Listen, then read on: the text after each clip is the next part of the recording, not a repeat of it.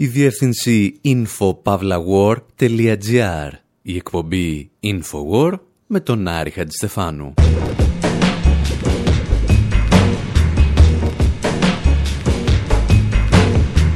όπου σήμερα με αφορμή μια συναυλία των Punks Romana στο Κύτταρο στις 21 Ιανουαρίου θελήσαμε να σας ενημερώσουμε ότι το 2017 θα είναι η χρονιά της Punk. 40 χρόνια από το 1977, τη χρονιά που όπως λένε η Punk εξεράγει. Θυμόμαστε το έτος που οι Sex Pistols παρουσίασαν το Nevermind the Bollocks, η Class το ομώνυμο άλμπουμ The Class και οι Ramones δεν προλάβαιναν να γράφουν τραγούδια τα οποία μόλις και με έφταναν τα δύο λεπτά έκαστο. Αναρωτιόμαστε πώς είναι να τραγουδάς μετά τη δεκαετία του 60, όταν η κρίση δεν είναι πλέον μία πρόβλεψη για το μέλλον, αλλά μία σελίδα από την καθημερινότητά σου. Όταν τα ελικόπτερα έχουν πάρει τους Αμερικανούς διπλωμάτες από τη Σαϊγκόν και η βασίλισσα της Αγγλίας εκπορνεύεται θεσμικά για να ικανοποιεί τους τουρίστες. Όπως είπαμε όμως, όλα ξεκίνησαν με μια ιδέα των Πανξ Ρωμάνα, με ένα τραγούδι αφιερωμένο στους Ραμόνες.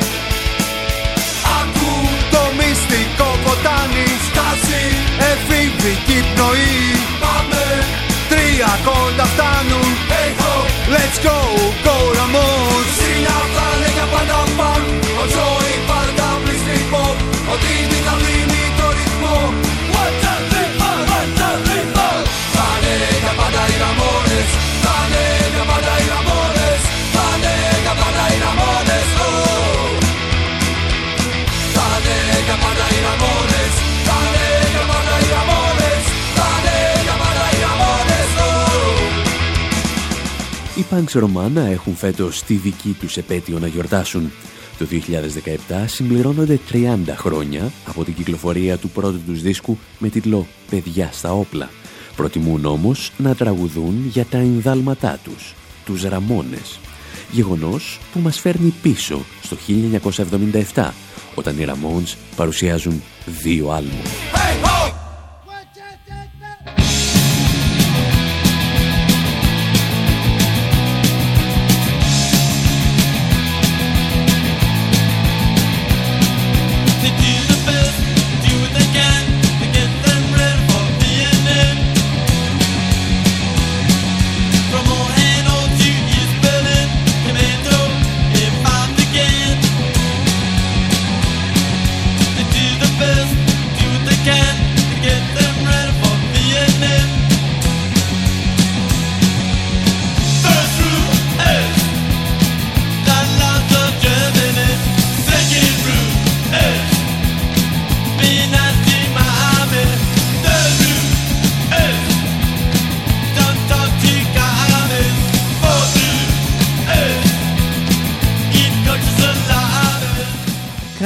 Ό,τι μπορούν για να τους προετοιμάσουν για το Βιετνάμ, τραγουδούν οι Ραμόνς και απαριθμούν ορισμένους από τους βασικούς κανόνες που πρέπει να σέβεται κάθε καλό κομάντο.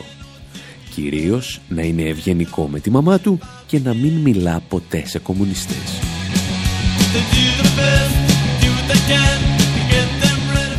Οι Ραμόνς θα γράψουν το κομμάντο το 1977, δύο χρόνια μετά το τέλος του πολέμου στο Βιετνάμ. Δύο χρόνια από τη στιγμή που οι Αμερικανοί διπλωμάτες εγκατέλειπαν πανικόβλητη τη Σαϊγκόν.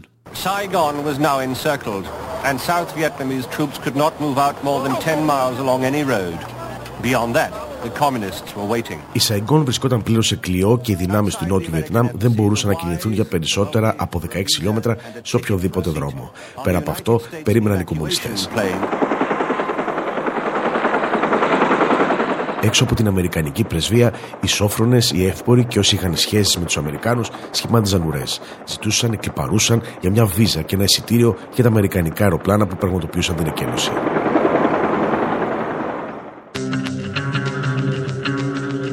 Όπως ακούσατε, τα αμερικανικά μέσα ενημέρωσης χαρακτήριζαν τους εύπορους συνεργάτες των Αμερικανικών στρατευμάτων κατοχής σαν σόφρονες πολίτες.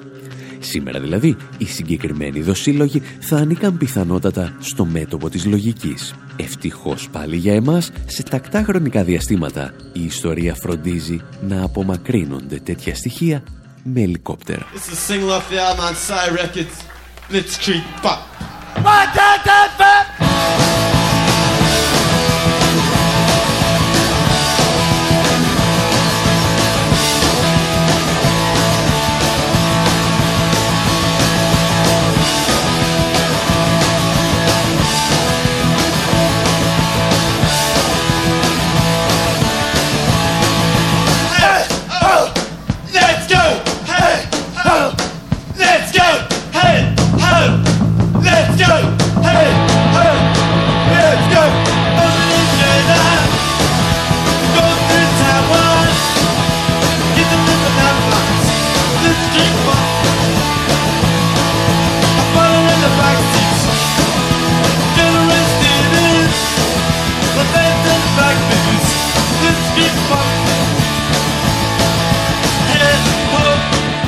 Οι Ραμόντς πάντως που εδώ τους ακούμε σε ζωντανή ηχογράφηση του 1977 δεν ανήκαν σε καμία περίπτωση στο μέτωπο της λογικής.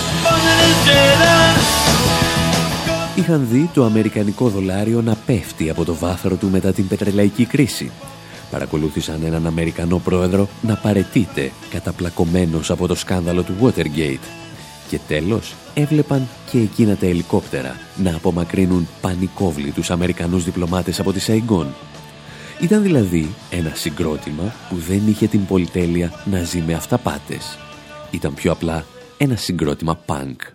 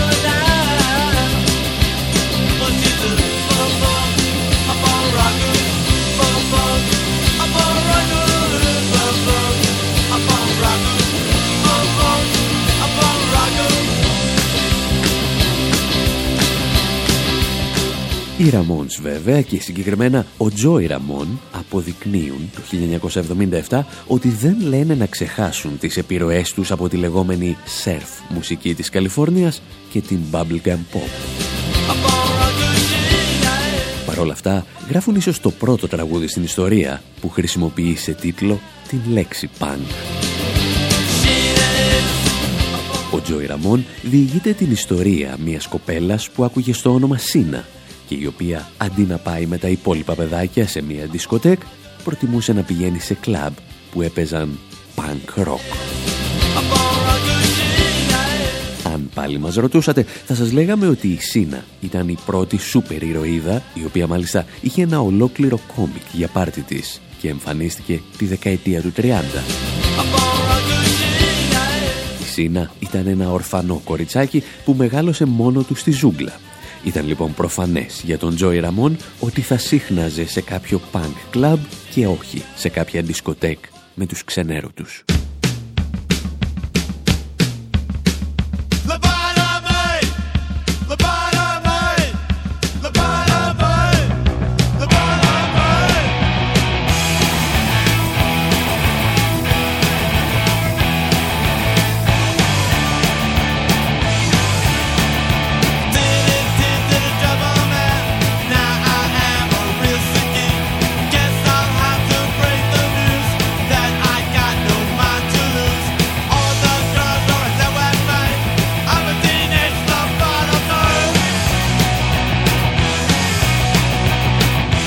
Ramones λοιπόν χρησιμοποιούν για πρώτη φορά τη λέξη punk σε τραγούδι και το κάνουν τη χρονιά που η punk σκηνή απογειώνεται.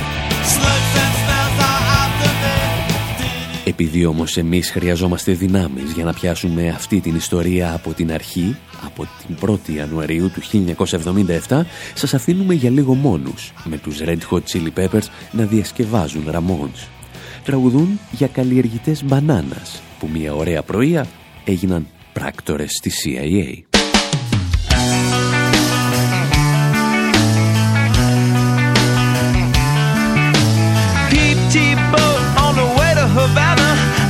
to make a living man picking the banana. Now I'm a guy for the CIA.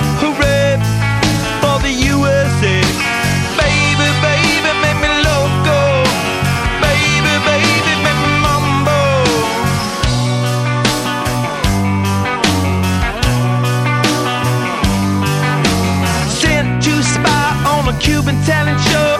Bug stop, Havana, oh, go, go. I used to make a living man picking up banana.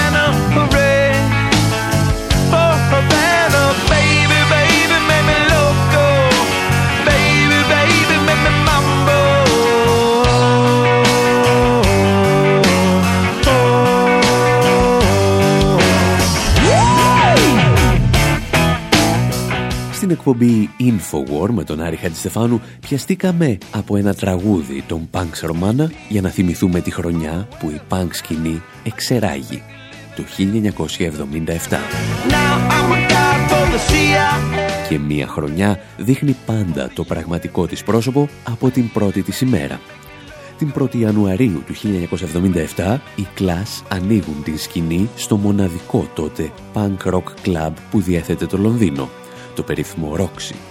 Ιστορίες που θυμήθηκε πριν από μερικές εβδομάδες και το BBC. On New Year's Day 1977, a few months before they released their first album, Την πρωτοχρονιά του 1977, λίγο πριν κυκλοφορήσει το πρώτο τους άλμπουμ, οι Clash ανοίγουν επισήμως στο Club Roxy στο Covent Garden και ρίσουν την έναρξη της χρονιάς της punk.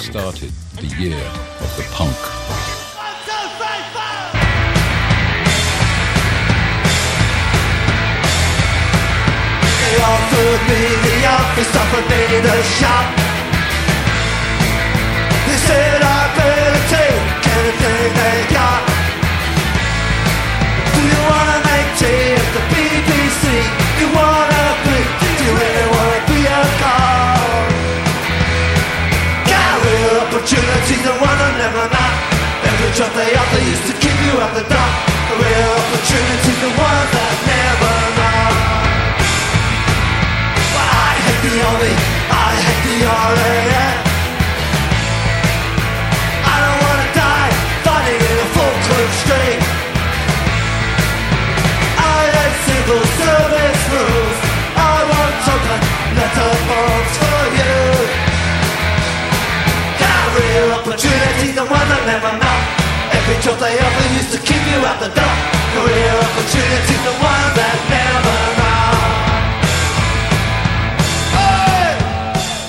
Εκείνο το βράδυ οι Class τραγουδούν και το Career Opportunities. Μου πρότειναν λέει μια δουλειά σε γραφείο και μια δουλειά σε μαγαζί. Μου είπαν να πάρω ό,τι και αν μου δώσουν. Θέλεις όμως πραγματικά να σερβίρεις τσάι στο BBC. Θέλεις πραγματικά να γίνεις μπάτσος; Η κλάσ, όπως και ολόκληρη η πανκ σκηνή του 1977, τραγουδά για την εποχή που το καπιταλιστικό σύστημα έχει πάψει πλέον να υπόσχεται συνθήκες πλήρους απασχόλησης. Ίσως γι' αυτό το πρώτο τραγούδι στο πρώτο τους άλμπουμ είναι αφιερωμένο σε ένα ελαφρώς διαφορετικό επάγγελμα. Τραγουδούν για την ιδιοκτήτρια ενός οίκου ανοχής, την Τζάνι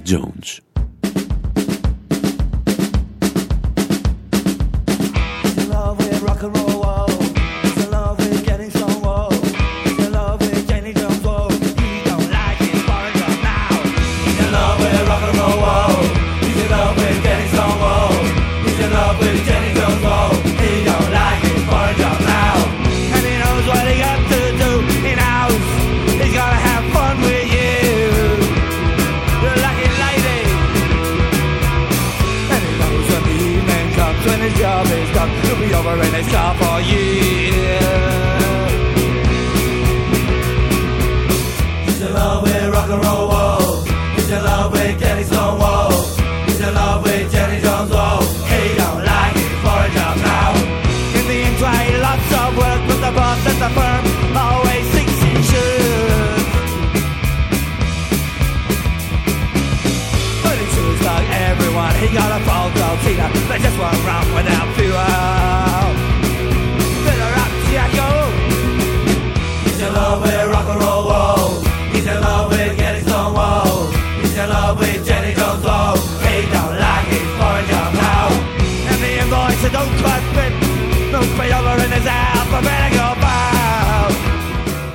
Μάρτιν Σκορτσέζε είπε κάποτε ότι αυτό είναι το καλύτερο τραγούδι στην ιστορία της βρετανικής rock and roll σκηνής. Και ποιοι είμαστε εμείς να τον αμφισβητήσουμε. Η Τζάνι Jones, για την οποία τραγουδά ο Στράμερ, ήταν μια τραγουδίστρια στην Αγγλία της δεκαετίας του 60.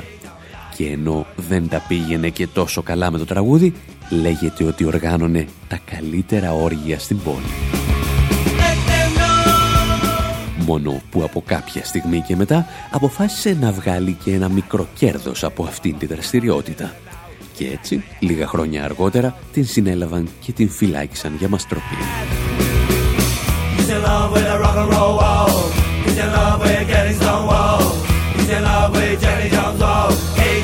Οι Clash, βέβαια, στο πρώτο τους άλμπουμ του 1977 έχουν και πολύ πιο πολιτικές ιστορίες να διηγηθούν είναι η στιγμή της εξέγερσης των λευκών, του White Riot.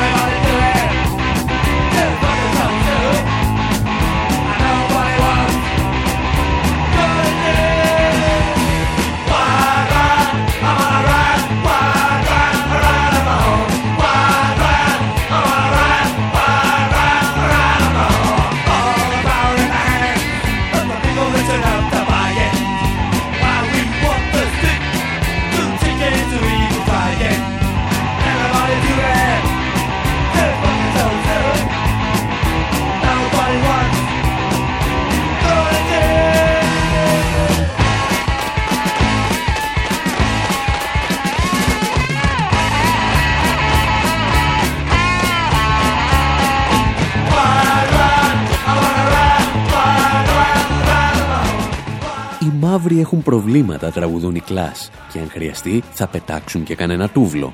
Οι λευκοί όμως πηγαίνουν στα σχολεία και εκεί τους μαθαίνουν πώς να γίνονται στόκοι. Έχουμε επιστρέψει για λίγο στο Λονδίνο του 1976 και συγκεκριμένα στο Notting Hill.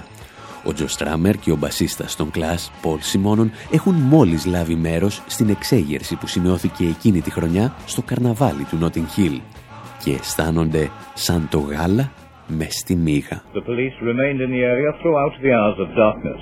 Earlier some had enthused about the pleasure the carnival gave. Now they reflected on how they were ill-equipped to deal with the violence when it broke out.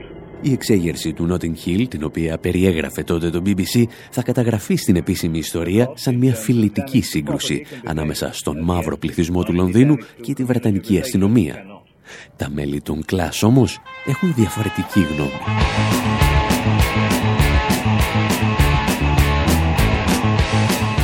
Οι κλάς συμμετέχουν και οι ίδιες στις ταραχές παρά το γεγονός ότι είναι λευκοί. Ο Δε Στράμερ ήταν και γόνος διπλωματικού υπαλλήλου. Με το White Riot για τις συγκρούσεις του Notting Hill καλούν και την υπόλοιπη Βρετανική νεολαία να έρθει μαζί τους. Καλούν σε εξέγερση ένα κομμάτι της κοινωνίας το οποίο βρίσκεται σε σχετικά μόνο καλύτερη κατάσταση από τον μαύρο πληθυσμό του Λονδίνου. Και εδώ επανέρχεται το αιώνιο ερώτημα κάθε εξέγερσης και κάθε επανάστασης. Ποιο κομμάτι της κοινωνίας θα παίξει τελικά τον πρωταγωνιστικό ρόλο ή όπως το έλεγαν παλαιότερα, ποιο θα είναι το επαναστατικό υποκείμενο; Πριν απαντήσουν όμως οι ίδιοι οι κλάς, κάνουν μια απλή παρατήρηση με την οποία θα σας αφήσουμε για το πρώτο μέρος της εκπομπής. Το Λονδίνο το 1977 καίγεται και εμείς δεν έχουμε ακόμη μιλήσει ούτε καν για τους Sex Pistols. London's burning! London's burning!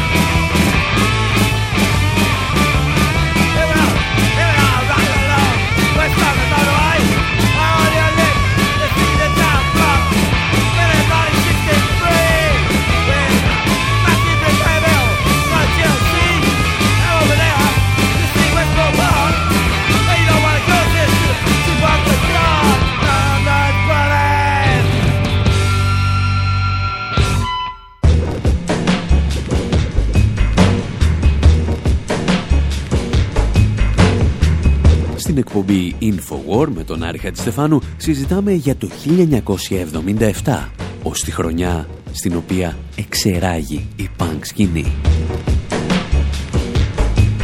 Την αφορμή μας έδωσε η συναυλία των Punks Romana στις 21 Ιανουαρίου του 2017 και όπως και στο πρώτο μέρος τους αφήνουμε να μας εξηγήσουν τι ακριβώς σημαίνει punk.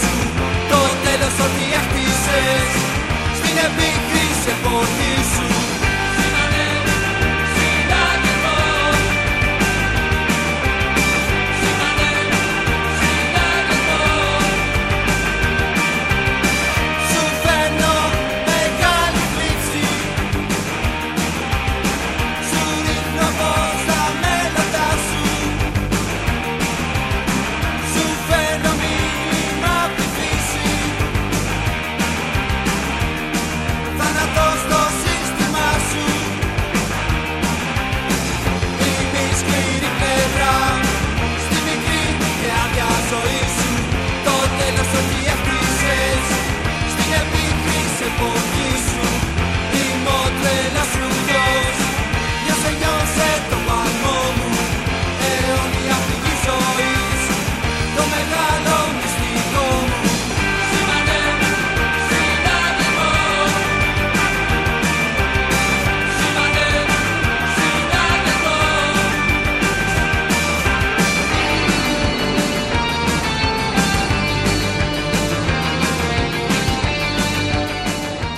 Σου φέρνω, λέει, φόβο στην αδρανιά σου. Είμαι η σκληρή πλευρά στη μικρή και άδεια ζωή σου.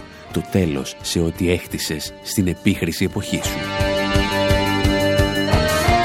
Δυσκολευόμαστε να σκεφτούμε καλύτερο αλλά και πληρέστερο ορισμό για την πανκ, αλλά και μια καλύτερη περιγραφή του κλίματος που επικρατούσε στην χρονιά που εξετάζουμε, το 1977. Μια χρονιά την οποία αν έπρεπε να σχεδιάσουμε σε χαρτί θα θύμιζε το εξώφυλλο από το άλμπουμ των Sex Pistols Never Mind the Bollocks.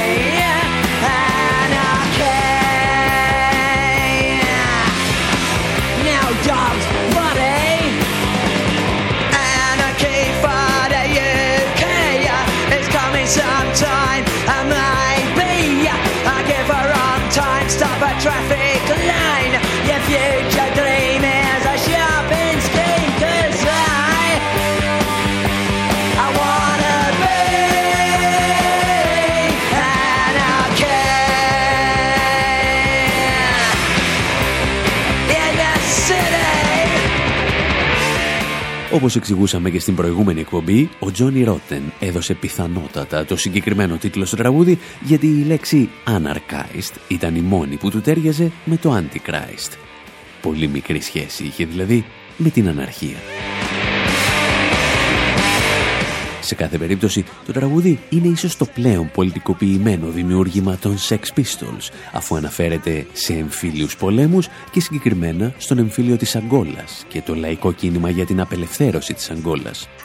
Αναφέρεται όμως επίσης και στον Ιρλανδικό Δημοκρατικό Στρατό.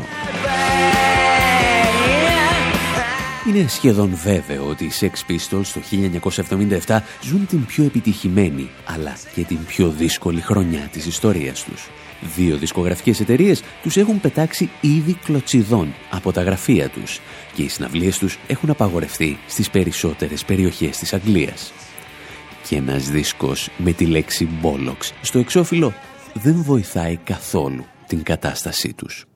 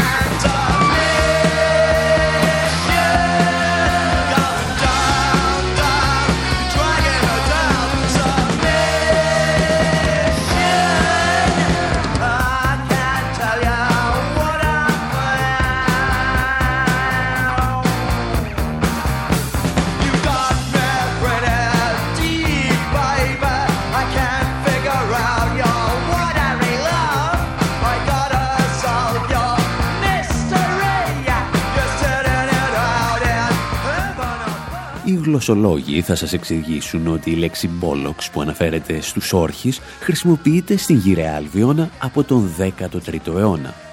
Υποστηρίζουν μάλιστα ότι τα «μπόλοξ» έχουν κοινή ρίζα με τη λέξη «φαλός».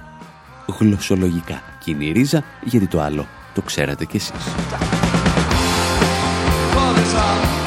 Το πρόβλημα ήταν ότι κανείς δεν ήθελε να βλέπει τη συγκεκριμένη λέξη του 1977 γραμμένη στο εξώφυλλο ενός δίσκου. Γι' αυτό αρκετά καταστήματα αρνήθηκαν τότε να τον τοποθετήσουν στη βιτρίνα τους, ενώ στα βρετανικά charts έβλεπε συνήθως μια λευκή σελίδα στη θέση του εξωφύλου. Που πραγματικά δεν ήθελε να ακούσει όμως η Βρετανία του 1977 ήταν ότι η Βασίλισσα εκπροσωπούσε ένα φασιστικό καθεστώς και πως μοναδική της χρησιμότητα ήταν να μαζεύει κανένα φράγκο από τους τουρίστες. Ο Θεός σώζει τη Βασίλισσα.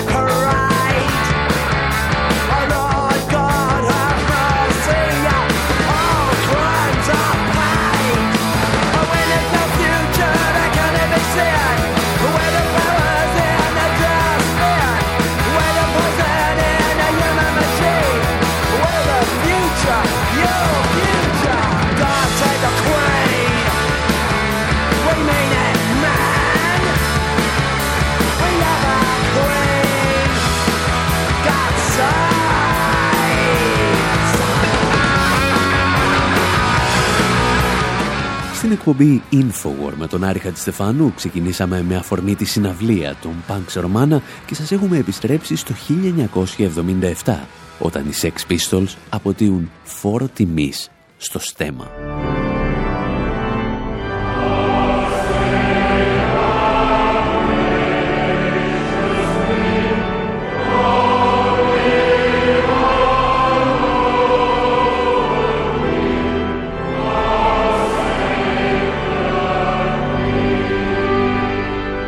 Ιστορία του πραγματικού God Save the Queen ή God Save the King, ανάλογα με την περίσταση, χάνεται στα βάθη των αιώνων.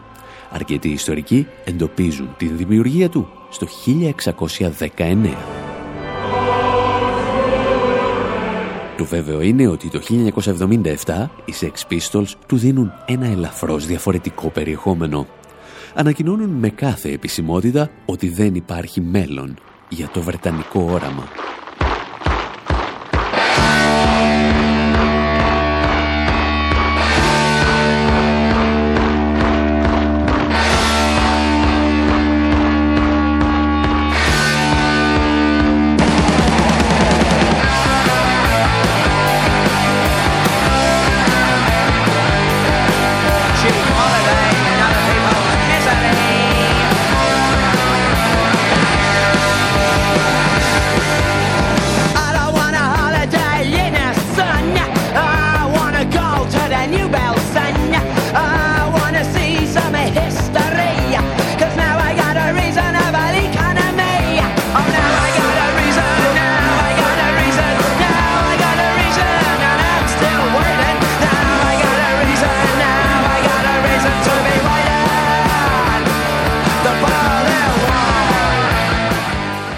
Στα 1977, οι Sex Pistols μας ενημερώνουν επίσης ότι δεν θέλουν διακοπές στον ήλιο.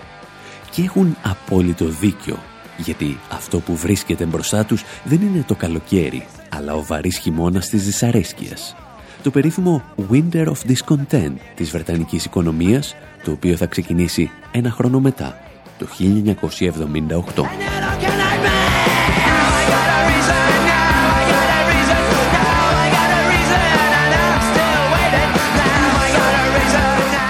Η έκφραση χειμώνα της δυσαρέσκειας προέρχεται βέβαια από τον Ριχάρδο τον Τρίτο του Σέξπιρ. Εκείνο το χειμώνα όμως σήμαινε κάτι εντελώς διαφορετικό. Η Βρετανία παραλύει από τις απεργίες καθώς η κυβέρνηση των εργατικών έχει αποφασίσει να εφαρμόσει ένα από τα σκληρότερα προγράμματα λιτότητας στη σύγχρονη ιστορία της χώρας. Ανάμεσα σε εκατομμύρια εργαζόμενους απεργούν οι νεκροθάφτες και οι οδοκαθαριστές Γεγονός που μετατρέπει αρκετές περιοχές της χώρας σε ένα πιστό αντίγραφο της κόλασης. Ενώ όμως είναι η χειρότερη στιγμή να πεθάνεις, είναι η πιο εύκολη στιγμή να γεννηθείς. Γιατί η κυβέρνηση, προκειμένου να περιορίσει την κατανάλωση καυσίμων για θέρμανση, αποφασίζει ότι το πρόγραμμα του BBC θα τελειώνει νωρίς το βράδυ, ώστε οι πολίτες να πηγαίνουν νωρίς για ύπνο. Επειδή όμως τους πολίτες δεν τους έπαιρνε ο ύπνος, άρχισε να παίρνει ο ένας τον άλλο.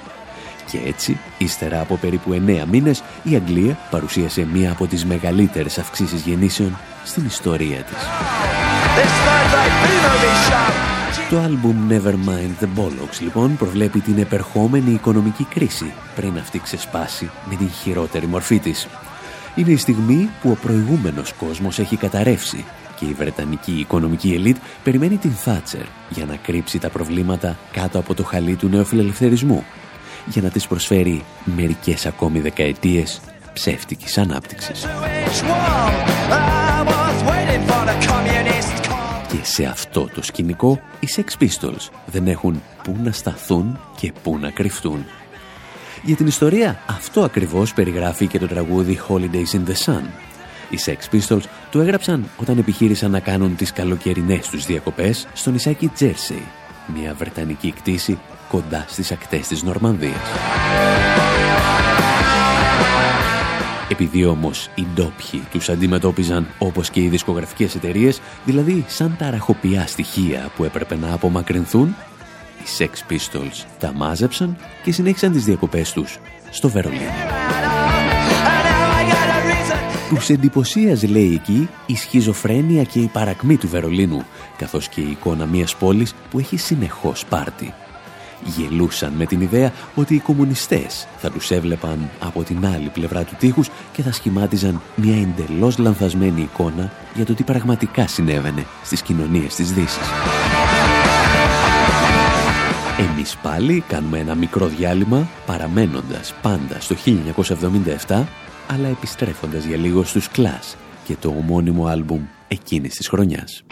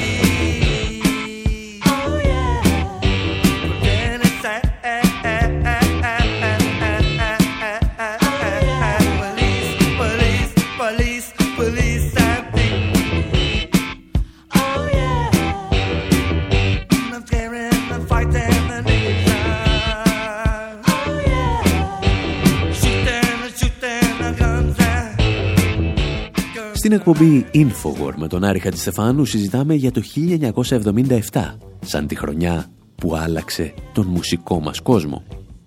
Όχι γιατί πέθανε ο Elvis Presley και η Μαρία Κάλλας, αλλά γιατί εξεράγει, όπως λένε, η punk σκηνή.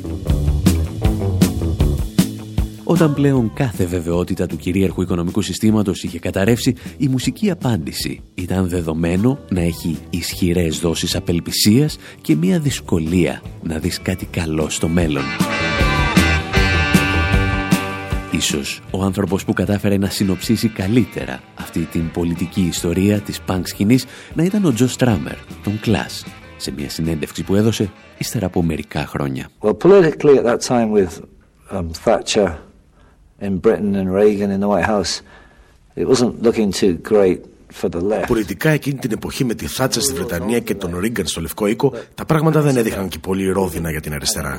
Ανήκαμε στην αριστερά, αλλά δεν είχαμε κάποια συγκεκριμένη λύση για τα προβλήματα της ανθρωπότητας.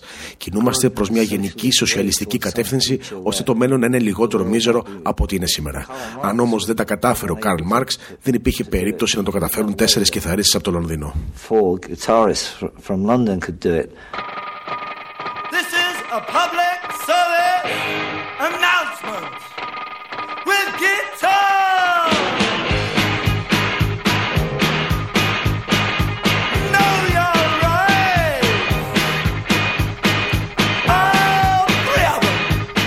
We were like groping in the dark. I mean, we, we had a sort of direction, but I don't know where it would have led. Κινούμαστε στο σκοτάδι. Είχαμε μια γενική κατεύθυνση, αλλά δεν ξέραμε πού θα μας έβγαζε. Πρέπει να ρωτάς συνέχεια τον εαυτό σου τι θα έκανε αν ήσουν ο κυρίαρχος του πλανήτη. Είναι δύσκολη ερώτηση και δεν έχω απάντηση. Προσπαθήσαμε όμως να χρησιμοποιήσουμε το μυαλό μας για να απαντήσουμε σε αυτές τις ερωτήσεις. Όποιο και αν ήταν το αποτέλεσμα, εμείς προσπαθήσαμε. Whatever good that use that was, we did try.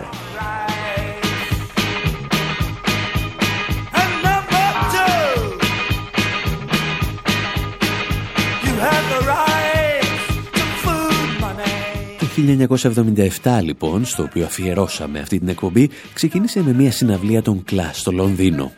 Τελείωσε επίσης στο Λονδίνο, αλλά με τους Ραμόντς, σε κατάσταση απόλυτης βαρεμάρας. Παραμονή Χριστουγέννων, στην πρώτη τους επίσκεψη στην πόλη, συνειδητοποίησαν ότι τα πάντα ήταν κλειστά. Και έτσι, το μόνο που είχαν να κάνουν ήταν να κάτσουν στο δωμάτιο του ξενοδοχείου και να δουν μια αμερικάνικη ταινία. Τα κανόνια του Ναβαρόνα και από αυτή τη βαρεμάρα και την άρκωση θα ξεκινήσουν να γράφουν το επόμενο τραγούδι, το οποίο θα ολοκληρώσουν τις πρώτες ημέρες του 1978. Ένα τραγούδι με το οποίο σας χαιρετάμε και για αυτή την εβδομάδα.